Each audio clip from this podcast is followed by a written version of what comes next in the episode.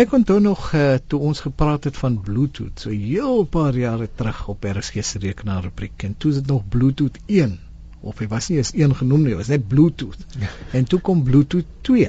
Hmm. Maar tussenin het Bluetooth 3 erns verlore geraak want ek het glad nie van hom gehoor nie, moet ek bieg. en nou praat ons hier skielik van Bluetooth 4. Paul. Of daar was iets vreesliks erg wat gebeur het in Bluetooth 3 nie. Ja. Ja. Of baie verbeteringe nie. Ja, of hulle het hom dalk net nie uitgebring nie en toe hulle al klaar 4 ontwikkel. Wie weet. Sommige spring. Uh, ja.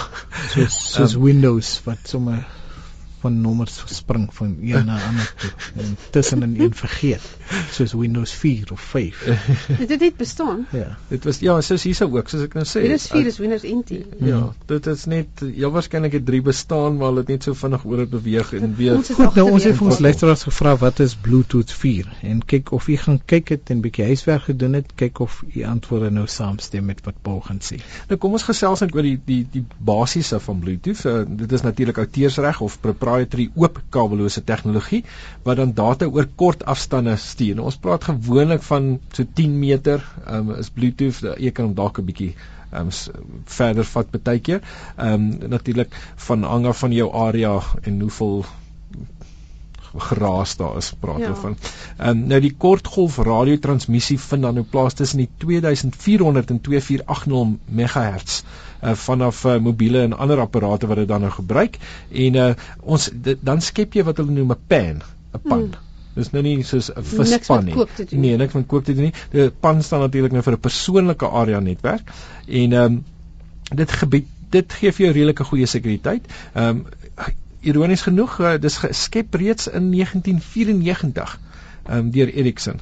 Ehm um, en uh, die natuurlik kan verskeie apparate dan nou konnekteer en sinkronisasie ehm um, kan dan nou plaasvind en enige sinkronisasie probleme kan jy nou oorkom. So jy het natuurlik in die groot voordeel van dit is natuurlik jy het nie 'n kabel nodig om dan nou te gebruik nie.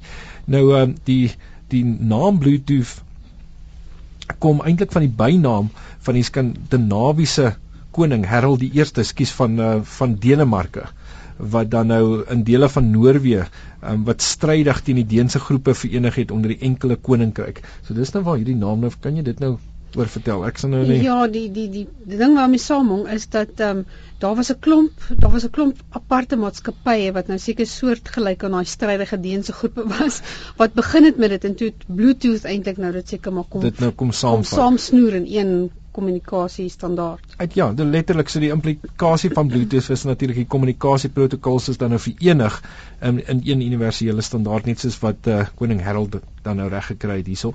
En uh, tan klink dit nou vir my. Blou tan lo blou tan. Koning se bynaam. Ja, nee, ek sal uh, ek sal dit maar los vir 'n Skandinawier om uit te spreek. Ja, um, vra vir koning ek sê ek nou die Skandinawiese koning se byna byna verkeerd uitgespreek het. nou ja, um, al die verskillende groeperinge is natuurlik nou verenig onder die Bluetooth. Hulle praat van die Special Interest Group, SIG. ek sal ook gesug het. Ehm um, en die ontwikkeling is tans by weergawe 4.0 met lae energie verbruik. Dis natuurlik nou een van die hoofvoordele natuurlik nou van uh, en de, as jy spesifiek na selfone kyk is dit natuurlik ook belangrik. Jy soek iets wat so min as moontlik energie gebruik sodat jy natuurlik jou uh, selfoon so lank as moontlik kan gebruik sonder 'n uh, on, om dit te herlaai. Nou hierdie lae energieverbruik gaan dan uh, die tegnologie beskikbaar maak in gesondheidsdienste, um, sport, sekuriteit um, en dan nou jou vermaaklikheid in al daai areas ook want dit uh, waar dit dan nou ingaan kom. En uh Bluetooth 4.0 is soos uh drie spesifikasies. Die een is 'n uh, classic Bluetooth. En dit laat my nou aan musiek dink. Dan uh Bluetooth se lae energie tegnologie en dan uh, Bluetooth se hoë spoed tegnologie wat alleen of in 'n kombinasie gebruik kan word.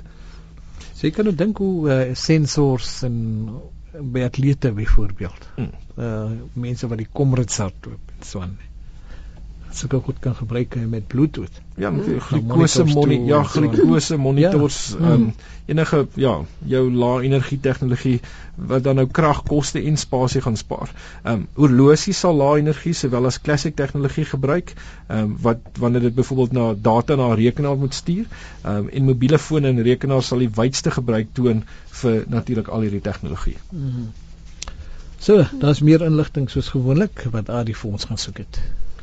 Ja, gaan kyk gerus, daar's 'n webwerf natuurlik wat by web, Wikipedia uiteraard het 'n met 'n webwerf met die baie van die tegniese goed ook oor Bluetooth en dan is daar 'n ehm um, ehm um, artikel by www.it.online.co.za ehm um, wat wat dan die indigting gee en sê dit is dit is feitelik amper uit. So hmm. dit gaan amper ehm um, vrygestel word.